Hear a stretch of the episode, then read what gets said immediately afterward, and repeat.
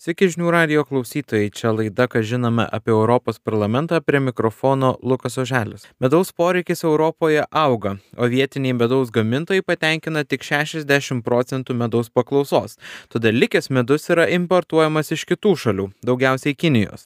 Europos komisijos atliktas tyrimas atskleidė, jog net pusė importuojamo medaus yra falsifikuojamas, todėl pagrista daryti išvadą, jog nemaža dalis Europoje suvartojamo medaus yra suklastotas. Jūs turbūt esate mažų mažiausiai nustebę išgirdę apie tokį klastojimo mastą, tačiau bitininkas Tautvidas Vaičiūnas būtent tokių skaičių ir tikėjosi. E, bitininkų bendruomenė tiek Lietuva, tiek Europoje ilgą laiką kėlė klausimą, E, matydami ženklus, medaus falsifikavimo kiekiai yra tikrai didžiuliai, kad e, pirmiausiai tai turima, turi, reikia tai nustatyti ir aišku reikia imtis e, veiksmų. Tai, tai sakykime, buvo pirmiausia pabandyta tai nustatyti ir, ir tikrai va, tie skaičiai labai atitiko tai, ką bitininkai įsivaizdavo, kad ir, ir yra. Bitininkystės eksperto teigimu klastojimo mastą atskleidžia žemos medaus kainos, nes esamos eksporto ir importo santykis kaip tik turėtų lenkti aukštas kainas. E, tačiau realybė tikrai jau pastarosius 10-15 metų yra visai kitokia.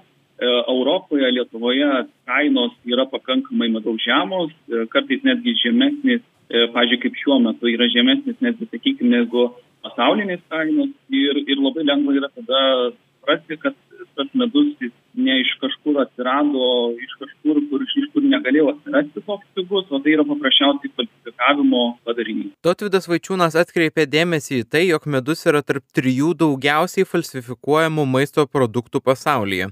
Tačiau bitininko manimu ši problema nesusilaukia pakankamai politikų dėmesio.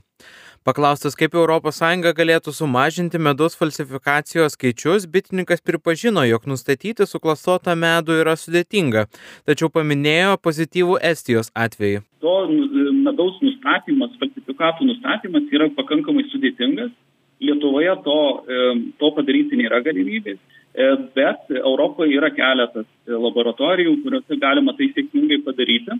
Ir, ir tikrai buvo, ir, ir aš pats esu kalbėjęs, dalyvavęs tiksliau pokalbiuose, kuriuose buvo siūloma vat, imtis priemonių ir tirti, bet vėlgi tikrai labai didelio noro vat, kažkaip spręsti šitą problemą nėra, nors tikrai e, iš tiesų šios problemos ir yra pagrindinis tikslas, tai yra didesnė kontrolė. Tai yra kontrolė atvykstančių vidaus, e, ištyrimas ir nustatymas tų falsifikatų, vat, kaip ir dabar buvo nustatyta, E, tie 46 procentai, tai lyginai taip pat ir mes, ES valstybių, e, yra tarp valstybių tokių, kurios šią linkmę yra nuėjusios. E, pavyzdžiui, Estija, kuri jau keletą metų labai sėkmingai tyria gana centralizuotų atvykstantį medų, ne tik atvykstantį, bet tiesiog rinkoje esantį medų. Ir po pirmų keletos metų iš tiesų jie pamatė labai ženklų pokytį, nes, sakykime, tie importuotojai ar Europos arba, sakykime, trečiųjų šalių eksportuotojai, jie labai greitai e, susigaudo, kuomet e, vienas, viena arba kita medaus partija užstringa arba reikia sunaikinti tą medų arba reikia pagražinti, jie labai greitai e, įvertina kaštus, kad tai yra labai brangu ir tada tas, tas eksportas labai sumažėja, sakykime, to, to falsifikuoto medaus. Bet E, jeigu ta kontrolė nėra daroma, tai tas medus tiesiog plaukia į Europą. Atrodo, jog ES pagaliau siekia užkirsti kelią tokiam plačiam medaus klastojimui. Siūlomi du pakeitimai. Etiketėje turės būti aiškiai nurodyta konkreti kilmės šalis, o ne tik tai, ar medus yra iš ES ar ne. Taip pat gamintojai turės nurodyti keturias šalis, iš kurių gaunama didžiausia ingredientų dalis. Totvidas Vaičiūnas šiuos pakeitimus vertina pozityviai, tačiau pabrėžia, jog iš esmės tai problemos neišspręs.